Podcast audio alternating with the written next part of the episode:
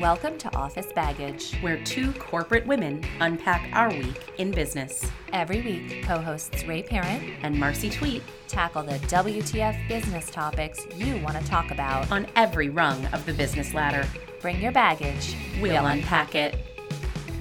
This week on Office Baggage, a hashtag badass Sally resigns in a truly badass way. Where is Wonder Woman? Can we at least get some parody in the toy aisle? And finally, how is this still a thing? Our Halloween edition. Hey, Ray. Hey, Marcy. Happy Friday! Oh, it's so good to be here. It is the end ish of October. I mean, we're getting to the end ish of October. It is October 20th today, but you will not hear this episode. It's a it's a Halloween edition. Boo! You will hear this on Halloween on October 31st. Happy birthday to my uh, my nephew Bryson, who is nine on Halloween. Oh, what a wonderful birthday. Yes.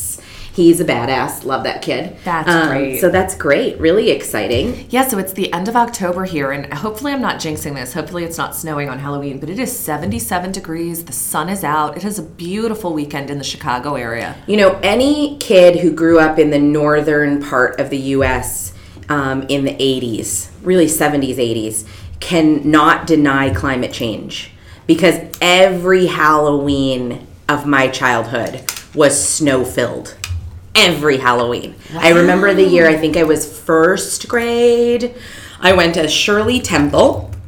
I had a sparkly top hat and a cute little dress, and I had tap shoes. And my mother made me wear my snow boots, and it ruined my whole costume. Oh, mothers. So that was the um, the big storm of I think 1991, which was a huge Halloween storm um, in the northern part of the U.S. And it's just interesting because it's those things where it's like you can't deny climate change, people. It did not used to look like this on October 31st. We had probably going back about, oh gosh, Luke was two, so let's see if I can do that math rapidly. He probably about five years ago in the greater New England area, we had an ice storm a couple of days before Halloween, and there was still a fair amount of leaves on trees because it had been very warm up until that point.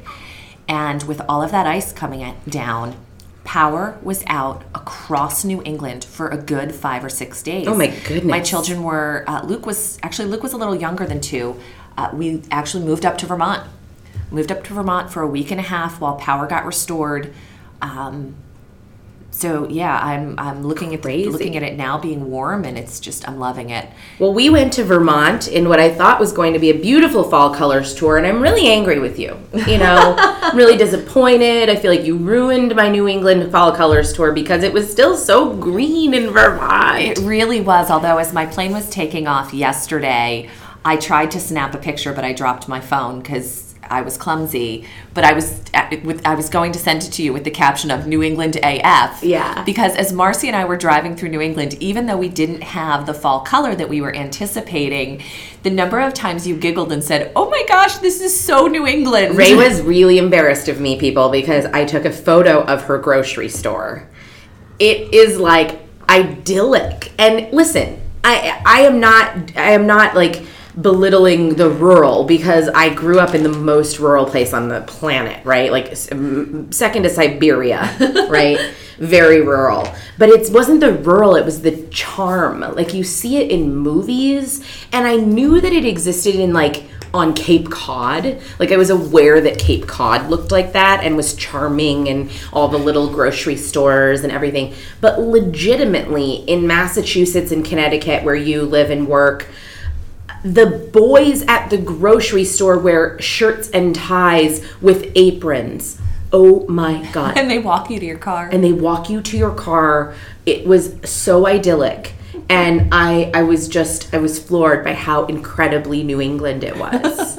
and a little bit of it's funny we joked that one of our friends who was coming with us would have a little bit of rural panic disorder.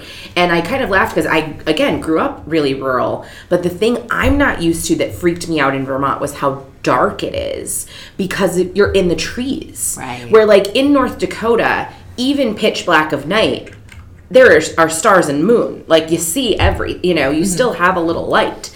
In Vermont, when you're in a tree, like my God, if there's an axe murderer chasing you, you're dead. then again, maybe not. You could hide. That would be You- easier. yeah, you could hide. You could climb a tree. So fun. But what a fun trip.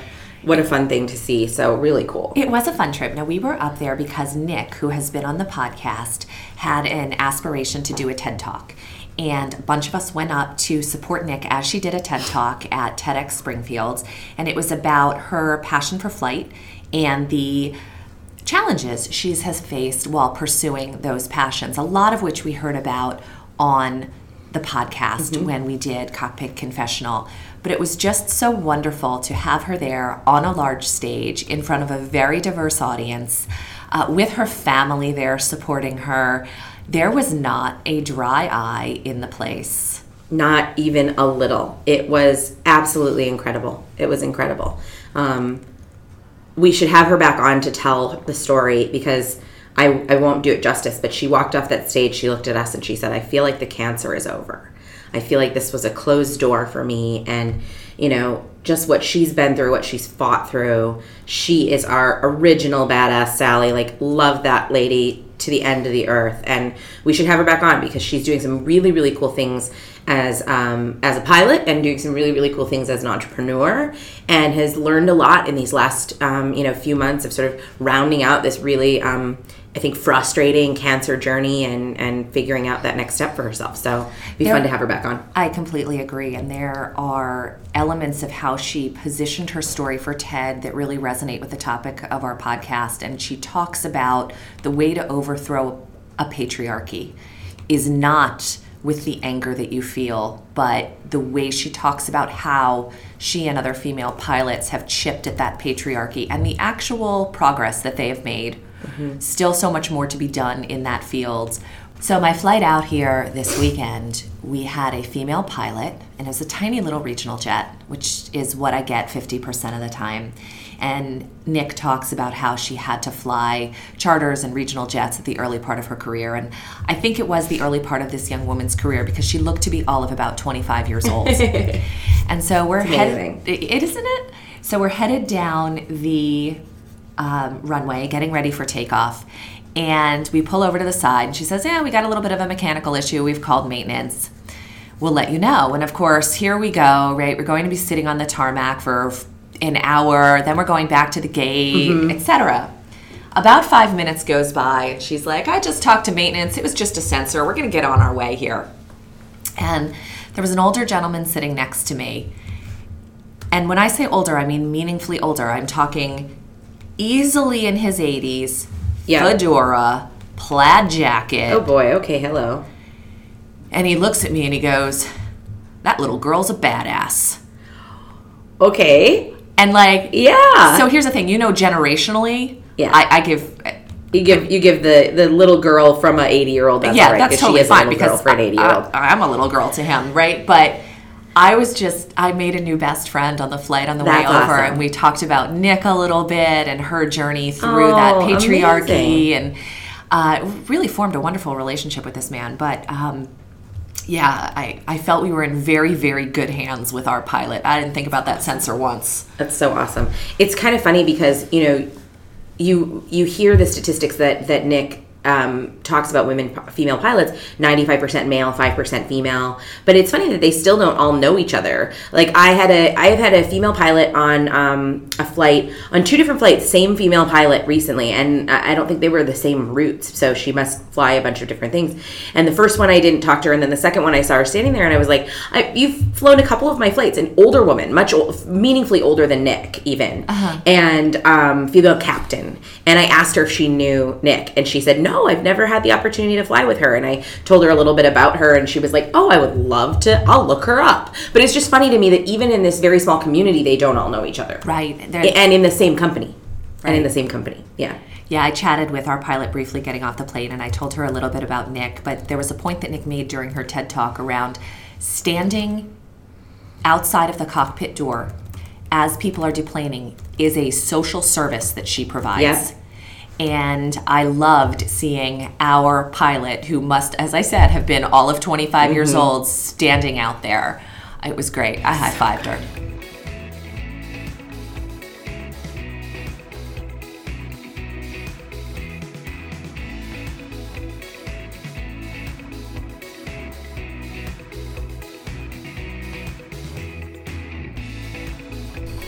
So, speaking of um, powerful people, I was just bowled over. I've actually had this in my in my uh, saved documents to talk about on the podcast for a while because the date on this New York Times article is actually September 14th.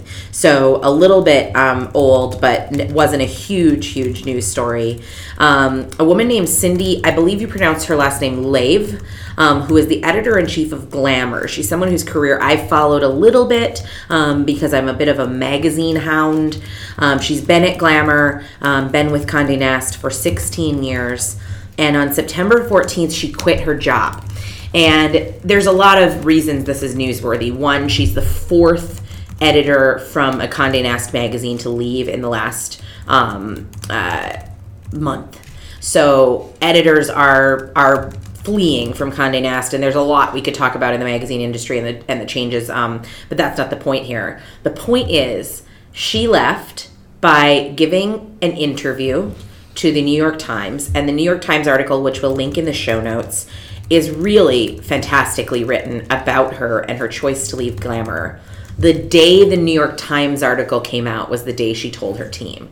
So I just, maybe this is wrong of me, but I thought someday I want to be powerful enough that the New York freaking Times announces my resignation. Like, I just thought, Cindy Lave, badass Sally.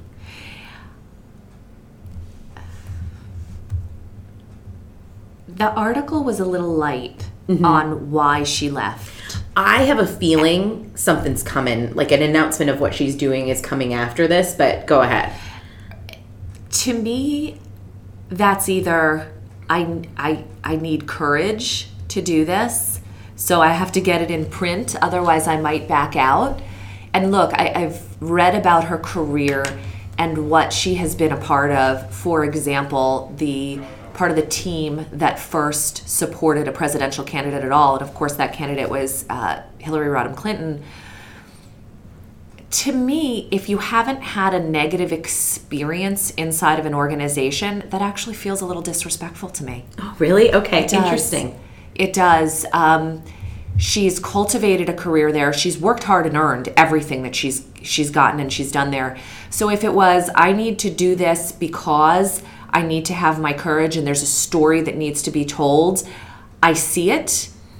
Otherwise, I have a difficult time seeing why you would why you would do that. I, I See, and I saw it as an interesting way of controlling her own branding in this exit. Of three other editors have left Condé Nast in recent days. She's choosing to leave, and she's choosing to tell her story. She's choosing to say, I'm leaving, I'm doing it in an empowering way. I want to leave a positive message about glamour, about the business, about what's coming. Um, and I just, I saw it as her taking the opportunity to take reins of her uh, narrative about this transition. And I think that is wonderful. And I am in complete agreement with that. The, the piece that I didn't understand well, I appreciate she told her staff that, that the day that the story was coming out. Did she have dialogue at the executive levels of Condé Nast prior to? If she did, I'm in support of that. If she didn't, I'm not. Interesting. Yeah, I mean, I think uh, what I it appears. Sorry, I'm, oh goodness, my Vanity Fair is beeping at me. It it does appear that maybe this was the way she announced it. So I think it's interesting to have my immediate reaction to it was like badass, and your immediate reaction to it was like ooh misstep. I, yeah, I, unless what will be coming out, and we don't know this, was that there was an ethical concern or she was mistreated in some way, shape, or form. But from what I've read, which was really only Yeah, I don't article, think that's it. it- you know, she's had a wonderful, wonderful career there. She's given a lot, she's gotten a lot. I don't understand why you wouldn't have one or two confidence that you would go to Mm-hmm. in advance. It is not her job to manage the entirety of that brand, Right. especially as someone who is exiting. yeah, it's interesting, It and feels this is. selfish to me. I feel selfish. I think that's very fair. I think it's really fair. Um, Brave. brave, but fair. So if she did all of those things right, and someday, if I do all those things right, I really hope New York Times announces my my transition. You know those But in a positive way. in a positive way. Yeah. No, these are the the. you have those things in your career, and maybe this is really it's going to sound self-serving to say. You know those those moments in your career that you feel like I want that for me. I want that to happen for me. Like it's when like Chicago Crain's business announces someone taking a new job or you know like when when you are a big enough executive that the company puts out a press release about it. Like that that's one of those like hallmark moments that will be like a hanging on the fridge kind of moment for me. Right. Yeah, I look forward to to And that. I don't think there's anything wrong with aspiring to that. Yeah.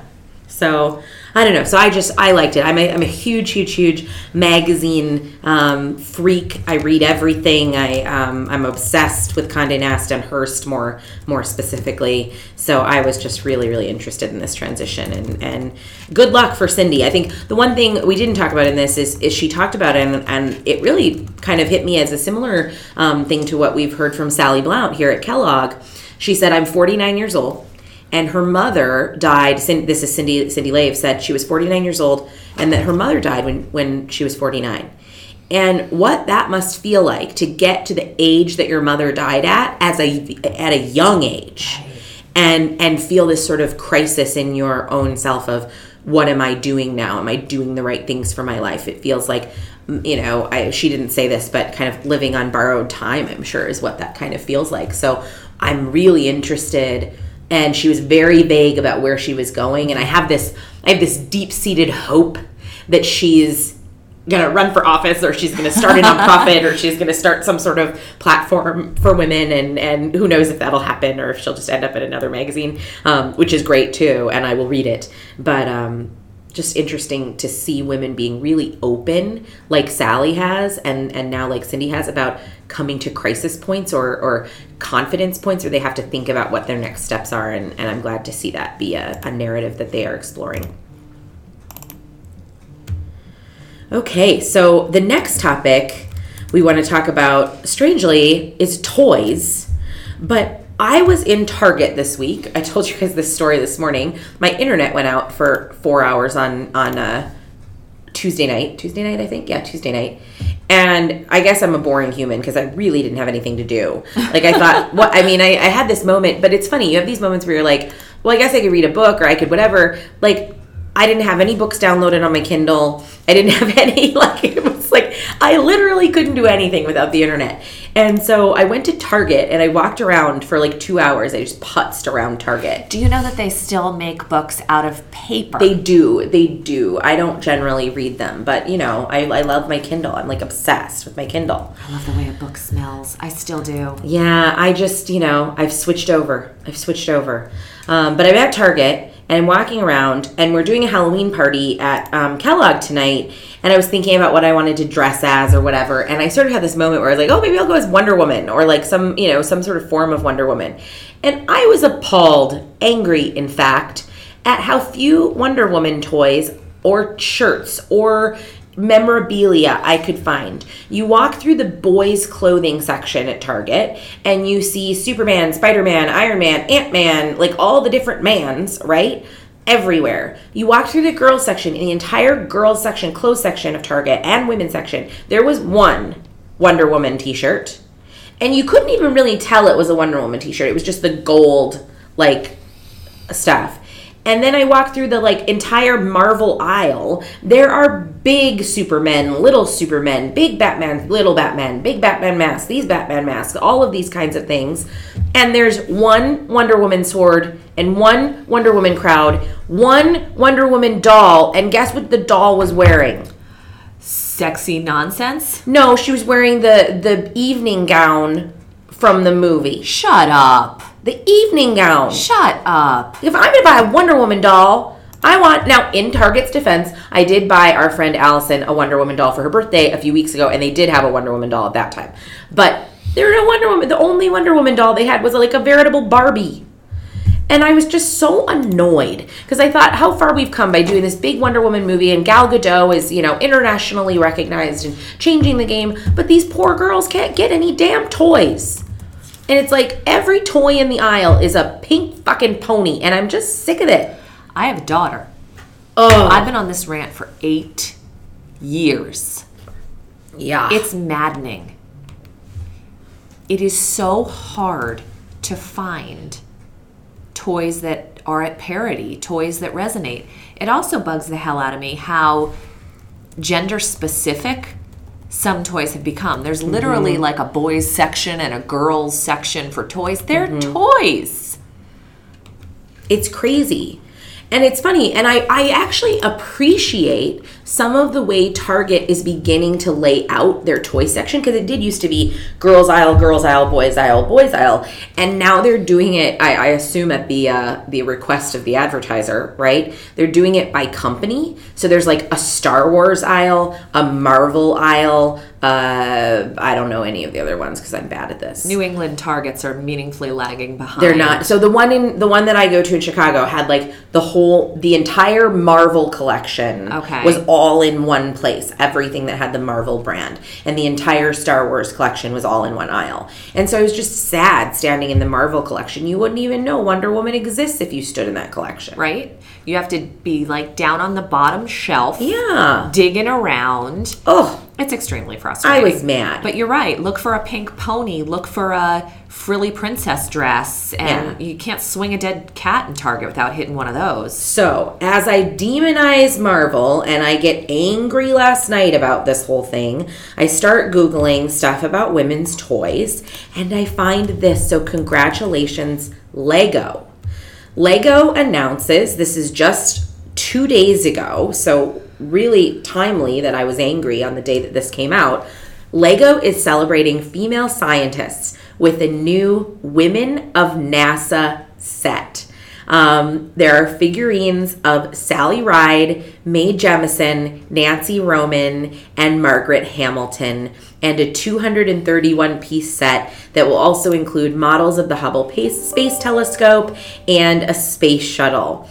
I'm so excited and good for Lego. Apparently, the set was proposed by a fan and received 10,000 votes on the Lego Idea website. Um, they've confirmed production and they will be in production and ready to go. And I will tell you what my nieces are getting for Christmas. They are getting the Lego NASA collection. So I have a lot of good friends who work at Lego. Yes, you do. I forgot about that. Mm-hmm. Lego headquarters is 10 minutes from my house in New England. Well, U.S. Lego headquarters, obviously, yeah. it's overseas. Um, and some of them have worked in marketing, were, comp- were part of the Lego Friends launch and what have you. So they are they're extremely interested in how kids play as a practical matter and what will resonate. And this is just so wonderful. It makes me I mean, it's Lego's expensive, Yay! but I send a lot of money that way for reasons just like this because it's not just about building with these sets. It's about the questions that children ask as they're building. Right. So my kids will put together these sets following the instructions, but then mm-hmm. they'll create their own spacecraft and they will ask questions about aerodynamics, obviously not in those words.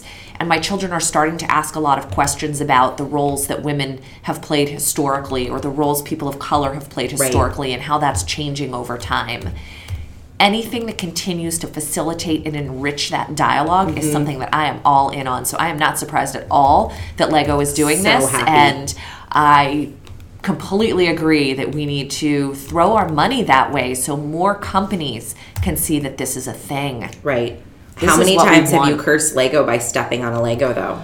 Like a lot. You know, it's not so much the stepping on a Lego for me, it's my dog eating a Lego. Ooh, that's And now you have had the pleasure of spending a weekend with Duncan, the 120 pound transgender incontinent chocolate Labrador who likes to jump on you. And I believe you even slept with Duncan. I slept with Duncan. He's a good cuddler, isn't he? Oh my god, I love that dog. But the number of just- times, Adore that dog. number of times I have to up to stick my hand in his mouth, pretty much up to my wrist to retrieve a Lego, more times than I can count. more times. Very true. But those Legos are expensive. Yes. So go Lego and Marvel. Do better.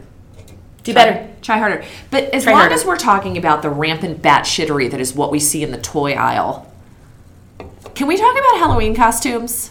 Happy Halloween. Look it. Here's the thing. They did a piece on this in Sex in the City. Yeah. And I'm not sure, you know, the degree to which Sex in the City has like a binge watch following among our listeners, but if you haven't binged I mean, Sex in the. City, do it. But there's Miranda and Carrie are in the, like the Duane Reade or something, and they're looking for Halloween costumes, and Miranda's holding them up like sexy witch, sexy cat. Why are there no other options for women? Witch and sexy kitten. Right? it hasn't gotten any better. The thing that has listen, the sexy Halloween thing has been an epidemic for women since, you know, probably the 80s, right? It's been a long time that people have been doing it's like, you know, from the old Mean Girls, the Mo- Mean Girls movies like it's you wear lingerie and you put on a pair of ears, right? Right. This has been so it's not a new thing, but the thing that has disturbed me deeply over the last few years is the outlandishness with the words that follow sexy. My favorite this year is sexy goldfish. No. Sexy goldfish. I'm gonna Google. Sexy, you know, all this stuff where it's just like, why do you need to be a sexy goldfish? Why? I'm Googling for sexy goldfish right now because I need to see how that's a thing. Oh yeah, You know what I Sexy think? goldfish. Look at those little goldfish snack crackers do it for me. I can eat a pound of those. Listen, if you want to go as a goldfish, go as a goldfish. I will be I will be so much more impressed, women of the world, women of the world, girls of the world. I will be so much more impressed with your costume if you actually like legit go as a goldfish. Marcy, can we please post the sexy goldfish costume Yeah, on our show notes because this is I can I don't have a word. If you'd like to see it, I'm posting it on the show notes as what the heck is a sexy goldfish. Is it which one were you looking at? The one with the hoodie Oh yeah, I was looking at the one of the hoodie. Okay, well there's a no, no, no. I was looking at that first one. Okay. I was looking at that first one where where it's a basically an orange bikini with a fish on your head. Yes. Please, What can we in- post all the sexy goldfish because the My God. because the flannel one with long sleeves with the crotch length mini skirt is really oh my Lord in heaven. that's right up there too. My Lord in heaven. This it, so these are adult costumes that we're looking at and an adult woman can make a choice and fine whatever because you're adults and if, if you halloween is about stepping out of who you are on a day over day basis so if you Right. desire to step out as someone who is a little more glamorous um, or all the way on the spectrum to sexy knock yourself out you're a grown-ass woman the process No, it just I get it. It's- don't need to be a sexy gold. i know it's preposterous but the If you're gonna be sexy, go as like Catwoman. right Go as like go as a Playboy bunny if you if you feel like it. Go as something that's actually sexy. like I'm sexy. don't go as a sexy turd. Like come on. sexy poop emoji Oh my god. my If uh, that's it, oh my god, how much am I gonna Google? it's That's a sexy poop emoji costume. One of my good girlfriends, uh, her daughter last year wanted to be a police officer, and so she got the police officer costume online. This Yeah. is a costume that is sized to fit a seven-year-old girl.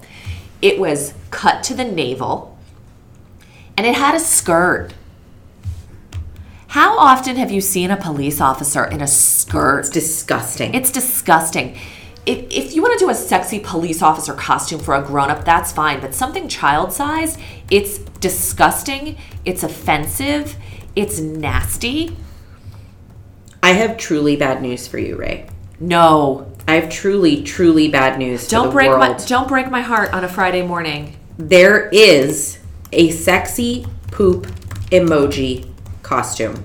People, I'm linking it in the show notes. Holy mother If of you God. buy it, I will lose all respect for you.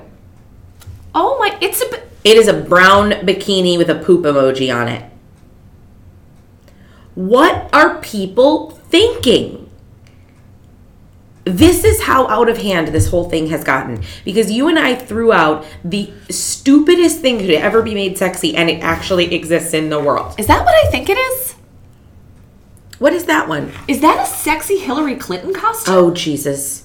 I'm Oh, sure. Oh my God! It is a sexy Hillary Clinton Clinton costume. It is a pants suit blazer that comes.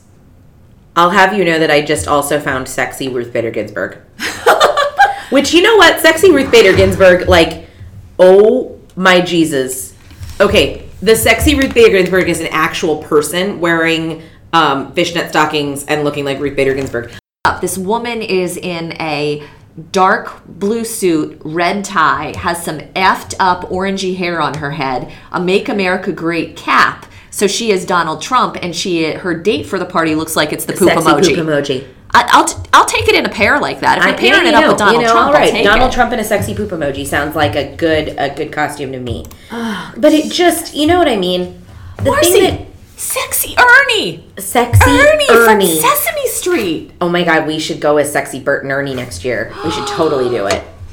No, this is the Okay, thing. And listen. I don't mean to. I don't want to. If you want to go as a sexy, Halloween, if you want to wear a sexy Halloween costume, you do it. Like I like more power to you, lady. Look at But I I just think we're better than this. Like I just think we're better than this. Like gets you're creative and smart and funny and interesting. Like create a, a Halloween costume that's actually interesting. Here's my funny, funny Halloween costume, sexy, sexy Halloween costume story. Are you ready? Yes. So I was working in Minnesota um, at WomenVenture, and our big event was the first part of November. So it was Saturday morning, and I was driving. Had to have been 7:30, 8 o'clock, and I was going into the office for a few hours. So I had to drive through the University of Minnesota campus to get from my house in Northeast Minneapolis to my office in St. Paul. And it just happened to be the day after Halloween on the University of Minnesota campus. And I witnessed a sexy bumblebee doing the walk of shame. walking out of a frat house. Now, here's the fun part. A dude was walking with her, so congratulations, dude, for walking her home. The girl is in a sexy bumblebee costume. It's Minnesota. It's the end of October. Oh. It is freezing cold. Dude has a full on coat on, walking this girl wherever he's walking this girl, with like a hoodie and a coat over top of it. She's in like a tube top striped thing with a sexy bumblebee thing with her little bumblebee antenna like bent. And I thought, my God, you slept with this guy. You're doing the walk of shame. He's at least walking you home with the walk of shame, and he couldn't even have the decency to give you his coat. Give you his coat. It's just, you know, if you got to think about what it's going to look like when you walk home, ladies. Like, let's think about that. So, yeah, I mean, you can be sexy, be sexy all you want, but please don't make non sexy things sexy for Halloween. It's just over. I'm over it. Uh, yeah. Over it. Over it.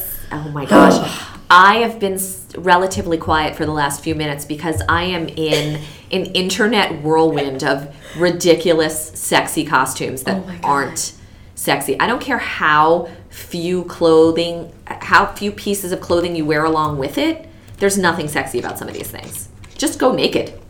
Yeah. Office baggage says go naked.